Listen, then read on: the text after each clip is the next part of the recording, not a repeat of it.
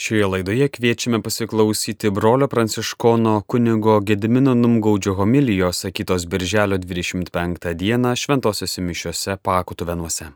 Šiandien pirmajam skaitinį mes girdėjom, kaip pranašas kalba, girdžiu, minioje šnapždant klaikas visur, įskūskite jį, įskūskite jį, juk visi mano tariami bičiuliai laukia, kad padaryčiau klaidingą žingsnį.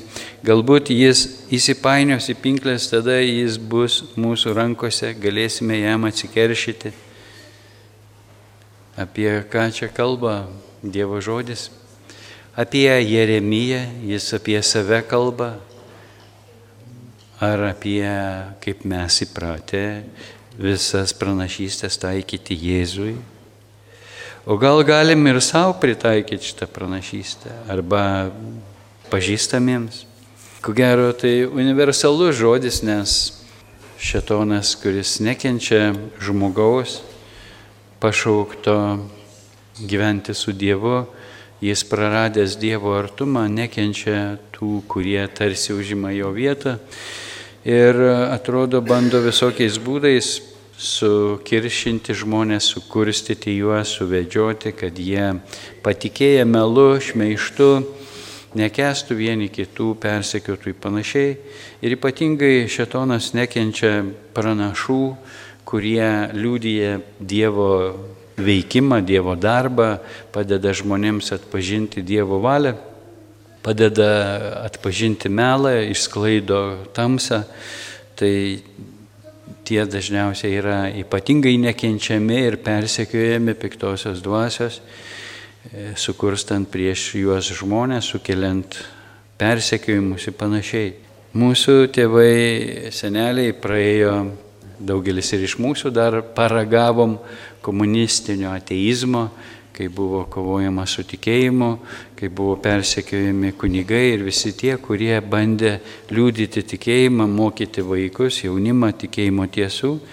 Ne vienas sėdėjo kalėjime ir ne po vieną kartą. Taigi visa ta istorija kartojasi ir Jėzus kaip ir pažadėjo, kaip jį persekiojo, taip ir mus persekios, dėl jo vardo persekios. Ir mes turim būti tam pasiruošę, tam nusiteikę, su tuo susitaikę tam tikrą prasme, kad ištikus, kaip sakant, išbandymo valandai užpuolus mus, nebūtume pasimetę šiandien Jėzus irgi primena mums, kad ta realybė šalia mūsų, kad e, nebijokite tų, kurie žudo kūną, bet negali užmušti sielos. Verčiau bijokite to, kuris gali pražudyti ir sielą, ir kūną pragare. Yra tie ir tas. Tie žudo kūną, o tas žudo ir sielą, ir kūną. Taigi, ir dar kur pragarėm. Taigi mes turime reikalų su šetonu ir su žmonėmis, kurie yra daugiau ar mažiau šetono valdžioje, įtakoje. Ir žiūrėkite, mūsų tėvai turėjo savo patirtį bolševizmą, žmonės įtikėjusius komunizmo, bolševizmo idėjomis ir e, su tokia dieviška pretenzija užsieiminėjo visuomenės architektūrą, bandydami pakeisti pasaulį, žudydami vienus, kitus, vat, iškeldami, privilegijuodami. Ir komunizmas kūrė žmoniją, naują žmoniją, naują visuomenę klasių pagrindų. Žudė turtingus, kūrybingus žmonės ir e, privilegijavo ale darbininkų klasę, iškėlė darbininkų klasę, bet jau pietų Afrikoje bolševizmo ideologijos su socializmu savotišku nepasiteisino, taip ir nepasiteisino ir Sovietų sąjungui. Kažkodėl vieni žmonės vis tiek yra Dievo pastatyti visuomeniai vadovauti, kurti, duok Dievę, kad jie sąžiningai tą darytų, aišku. Bet be jų ir darbininkų klasė, be tų, kaip sakant, viziją turinčių žmonių ir darbininkas nelabai ką daug padarys, kaip sakant. Yra tam tikros duotybės žmogui. Mums reikalingi vadai, mums reikalingi tarnautojai, visi mes viens kitam tarnaujam Kristaus kūno principų bažnyčioje. Panašus principai veikia ir žydų tautoje, Dievo tautoje, išrinktojoje, kuri gyveno pagal Dievo nustatytą tvarką ir ten buvo vyresnėji, šimtininkai, buvo pranašai, kunigai, karaliai ir panašiai. Buvo kita architektūra fašizmo, kur rasinių principų bandė pakeisti visuomenę, tai Hitleris va su holokaustu ir jų visų pastangos žlugo. Dabar stebim rusiško pasaulio virsmą su jo bandymu, kaip sakant, pakeisti Ukrainos žmonių gyvenimą, Ukrainos tautą surusinti, priversti juos prisipažinti, kad jie rusai ir kad kalbėtų rusų kalba ir panašiai. Tai kaip buvo bandymas ir Lietuvoje tą padaryti, bet vėlgi nesiseka, vėl viskas atrodo grįžta patiems, visi tie prakeikimai, visi tie e, bandymai kitam iškais duobę, patys krenta į tą duobę. Ir e, dar mes turim vieną grėsmę iš vakarų, tokią neobolševizmą savotišką, savotiškoj formai, vėlgi su žmogaus teisėmis ir su tapatybės pakeitimu savotiškai, sakyčiau, priverstiniu. Deklaruojant teisės seksualinių mažumų, bus pamintos teisės daugumos dėl mažumos, kad mažuma taptų dauguma ir panašiai. Visokių tų eksperimentų jau istorijos bėgi buvo, nieko naujo. Biblijoje apie tai mes irgi skaitėm ir kuo tai baigėsi. Ir mes tikim, kad viešpačiui tai nepatinka. Ir todėl nauji dokumentai kuriami, kad suvaržyti religinių bendruomenių, tiek krikščioniškų, tiek žydiškų, judaistinių, tiek musulmoniškų bendruomenių veiklą, suvaržyti, kontroliuoti, nes jos visos pažeidžia tų seksualinių mažumų teisės, nepripažindamos, kaip sakant, netoleruodamos jų gyvenimo būdo. Aš suprantu, vienas dalykas yra agresija prieš kitus žmonės, kitaip mąstančius, kitaip gyvenančius, tai aš nepritariu tam, kaip krikščionis, bet nepritariu ir tam, kad visiems būtų brukama kitoks gyvenimo būdas, ne pagal sąžinę, o pagal kažkieno užgaidą. Tai va, ir dėl to mums nuotikių netruks. Tik klausimas, kaip mes nuotikiams pasiruošę. Čia turime skautų burelį. Anei saka, visat gatavi. visat gatavas visat pasiruošęs išgyventi gamtoj, ne tik pats, bet ir padėti kitiems išgyventi. Jaunimas mokosi, kaip išgyventi miške, kaip vat, miške užsikurti ugnelę, kad nesušalti, pasišildyti, pasigaminti maisto, išgerti šilto gėrimo, kaip kažką pasistatyti, kad patogiau pailsėti, kad nesušlapti, kad nesušalti ko žmogui kūnui labiausiai reikia.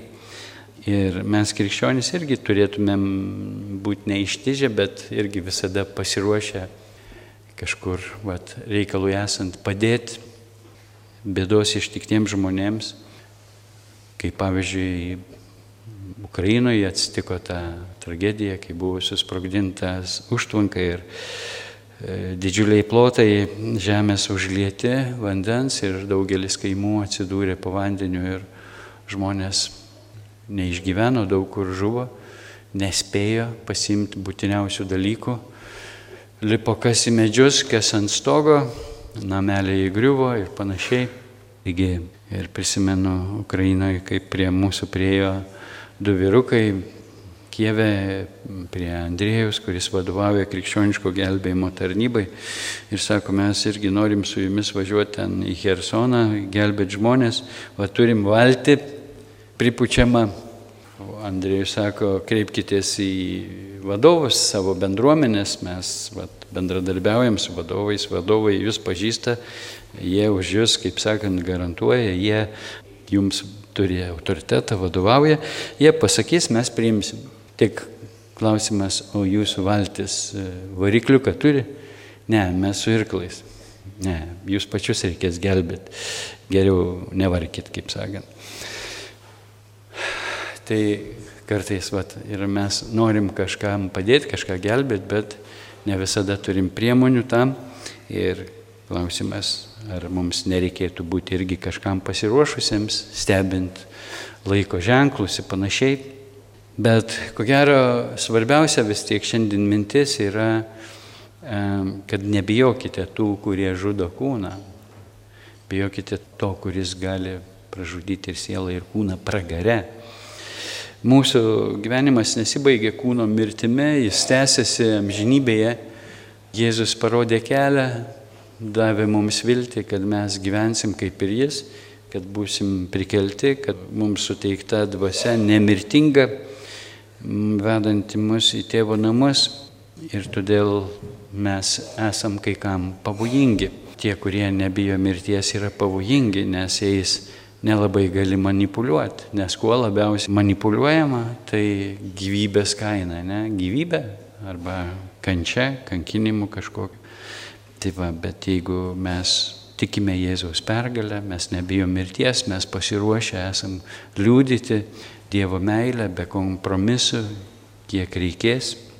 Ir tų iššūkių kiekvienoje kartoje buvo ir bus, taip kaip buvo tų iššūkių pranašo Jeremijo laikais, taip bus ir mūsų laikais. Todėl daugelis galės atpažinti tą pranašo sielvartą skundą, kad jo tie tariami bičiuliai laukia, kad padaryčiau klaidingą žingsnį, galbūt jis įsipainios į pinklės, tada jis bus mūsų rankose, galėsime jam atsikeršyti, bet viešpat su manimi tarsi galiūnas gynėjas, galingas gynėjas, todėl mano persekiotojai suklups, jie nelaimės, baisi gėda juos lydės, nes jiems negali pavykti. Vien amžina nepraeinančią negarbę užsitraukė. Galybių viešpatie tu ištiri teisųjį, permatai jausmus ir širdį, leisk man matyti, kaip jiems atkeršysi, nes tau patikėjau savo bėdą. Taigi, ar mes esam patikėję jam savo bėdas, ar mes esam atidavę į jo rankas savo gyvybę, savo gyvenimą, ar mes jam priklausome, ar jis, kaip tas galingas galiūnas, iš tikrųjų saugo mūsų gyvenimą ir kovoja mūsų kovas, ar mes pasitikime juo, ar mes esame jam save atidavę. Jeigu to nėra, tai mes griepsime šiaudą ir vėl eisime į kompromisus ir vėl būsime pavergti. Viešpats dovanoja laisvę, kai mes juo pasitikime jo gale ir neiname į kompromisus, neišduodame jo tiesos, neišduodame meilės, ištikimybės jam ir viens kitam. Ir Dievo žodis sako, kai per vieną žmogų nuodėmė įėjo į pasaulį, o per nuodėmę mirtis, taip mirtis prasiskverbė į visus žmonės, nes visi nusidėjo. Nuodėmė buvo pasaulyje Ir iki įstatymo, bet nesant įstatymo, nuodėmė negalėjo būti įskaitoma. Vis dėlto nuo Adomo iki Mozės mirtis valdė ne tuos, kurie nebuvo padarę nuodėmių, panašių į nusikaltimą Adomo, kuris buvo būsimojo pirmo įzdis. Bet netaip yra su dovana kaip su kalte. Jei dėl vieno žmogaus nusikaltimo turėjo mirti daugelis, tai dar labiau Dievo malonė ir vieno žmogaus, Jėzaus Kristaus malonės dovana su kaupu atiteko daugybei. Taigi mes visi esame pažeisti Adomo nuodėmės, mes galbūt nepadarėm tokios nuodėmės kaip Adomas, bet būdami piktojo valdžioje, ko gero, ne vienas ir padarėm, nelabai suprasdami, kas ta Adomo nuodėmė, ypač jeigu smalsavom ateityje, burtininkavom, užsiminėjom kažkokiais vat, okultistiniais dalykais, tai labai panašu yra į Adomo nuodėmę, kai mes nepasitikim Dievo meilę ir, ir bandom savom jėgom išsigelbėti, savom jėgom pasiekti dvasinės jėgos, ne iš Dievo, iš kažko nepažįstamo, bet ačiū Dievui, kad dėl vieno žmogaus Jėzaus Kristaus, jo aukos Golgotoj, jo kraują pralieto už mus, kuris mus nuplauna, kuris yra mums kaip malonės dovana su kaupu, atitenka daugybei, atitenka tiems, kurie tikėjimu priima Jėzaus kraują, tikėdami, kad tas kraujas buvo pralietas už mane asmeniškai Gali būti mintis, kad už visus, bet tik ne už mane. Bet labai svarbu, kad aš įtikėčiau, jog už mane Jėzus pralėjo kraują. Jeigu aš būčiau vienintelis nusidėjėlis, jis būtų tai padaręs dėl manęs vieną, kad mane išgelbėtų amžinam gyvenimui. Todėl jis mano asmeninis atpirkėjas. Jis mane myli asmeniškai ir, aišku, myli mus visus kartu bet ir kiekvieną asmeniškai ir kviečia mus į tą asmeninį santyki per pasitikėjimą jo meilę, veda mus į nuteisinimą, kai mes išsižadam nuodėmės, prašom viešpaties atleidimo ir priimam Jėzaus kraują, prašydami, kad Jėzaus kraujas mus nuplautų ir pašventintų. Mes esame visi nuteisinami, nuvalomi, pašventinami Dievo vaikų gyvenimui. Bet kartais yra pavojus, kad mes daug kalbėdami apie Dievo meilę, tai ką Jis dėl mūsų padarė, galim užsiliuliuoti ir ypač toks vat, teisingas, bet ir kartu labai toks slidus išsireiškimas, kad Dievas myli mus besąlygiškai. Gerai, Dievas mus myli besąlygiškai, bet ar mes mylim Dievą? Ar mums bereikia mylėti Dievą, jeigu Dievas mus myli? Ar Dievas nelaukia iš mūsų meilės? Ką reiškia Jėzaus žodžiai, kas išpažins mane žmonių akivaizdoje ir aš jį išpažinsiu savo dangiškojo tėvo akivaizdoje, o kas išsigins manęs žmonių akivaizdoje ir aš jo išsiginsiu savo dangiškojo tėvo akivaizdoje. O, palauk Jėzau, kur tavo meilė? Mane myli, tu už mane mirėjai, kaip tu gali manęs išsiginti? Tai ką, vėl prasideda sąlygos? Ne, jis myli mus besąlygiškai. Ir viską padarė dėl mūsų, kad mes e, būtume laimingi ir pasiektume gyvenimą su Dievu. Bet e, aš galiu sakyti, a, Dievas mane myli, aš galiu daryti belę ką, jis man atleidžia. Išeina taip. Nu, jeigu aš tikiu, kad jis mane myli ir mylėdamas mane atpirko ir užmokėjo brangią kainą už laisvę mano, tai aš turiu saugoti laisvę, kovoti už tą laisvę. Ir e, esu pašauktas gyventi su Dievu pagal jo žodį, pagal jo tvarką. Ir Dievas mm, nesiduoda išnaudojamas arba manipuliuojamas. Jis yra viešpats, jis begalinis gėris, išmintis, grožis ir panašiai. Ir jis teisingas. Jeigu aš jo nemyliu, jeigu aš jį išduodu, aš apsisprendžiu už vergystę. Tada jau jis ne tai, kad nieko negali padaryti, bet taip sustarė, taip pažadėjęs Aš dovanoju jums laisvę. Jūs laisvi pasirinkti. Bet jeigu jūs pasirenkat nuodėmę, sorry, atleiskit. Jūsų pasirinkimas gerbiamas. Norit gyventi pragare, gyvenkit pragare. Norit gyventi su manim, vad gyvenimas su manim turi tvarkelę, turi įstatymą. Mylėdamas mus jis ir kenčia, ir pyksta, ir rūstauja. Jeigu mes pažįstam tik Jėzų saldų iš paveikslėlio, tokio geručio, tokio tolerantiško, tokio nieko nereikalaujančio, visus myli, su viskuo sutinka, tai mes nepažįstam Jėzus. Jis ir teisėjas, jis ir kareivijų viešpats. Jis iš apokalipsės knygos kaip tas, iš kurio burnos eina kalavijas. Jis savo žodžiu gali prikelti, jis savo žodžiu gali atimti gyvybę. Jis pavydus, mūsų pavydį, mylėdamas mus ir trokšdamas, kad mes būtume laimingi ir jis pavydį visų tų, kurie bando mus atskirti nuo jo. Ir mes skaudinam jį, jeigu esam jam abejingi. O tuo labiau, jeigu mes išsiginam jo, pasirenkam kažką kitą. Teisinga, jis iš anksto įspėjamus, išsižadėsit manęs, tai ir aš jūsų išsižadėsiu. Jeigu jums brangesnė jūsų gyvybė už mane, tai tebūnė jūsų pasirinkimas. Jis brangesnis už gyvybę, jis ir yra mūsų gyvybė. Kas dėl jo išsižada savo gyvybės, tas ją atranda.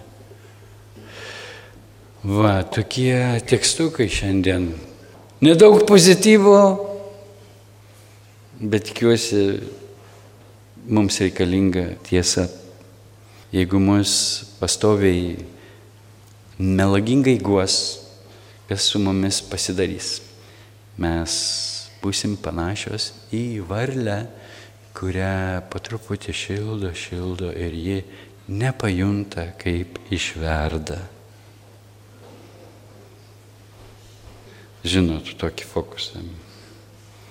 Gerą, šiltą, nirvana, nebūtis.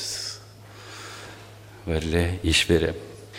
Galim dėti ant stalo, tai va, kad netaptume tokie varliukai ant pragaro stalo. Melskimės.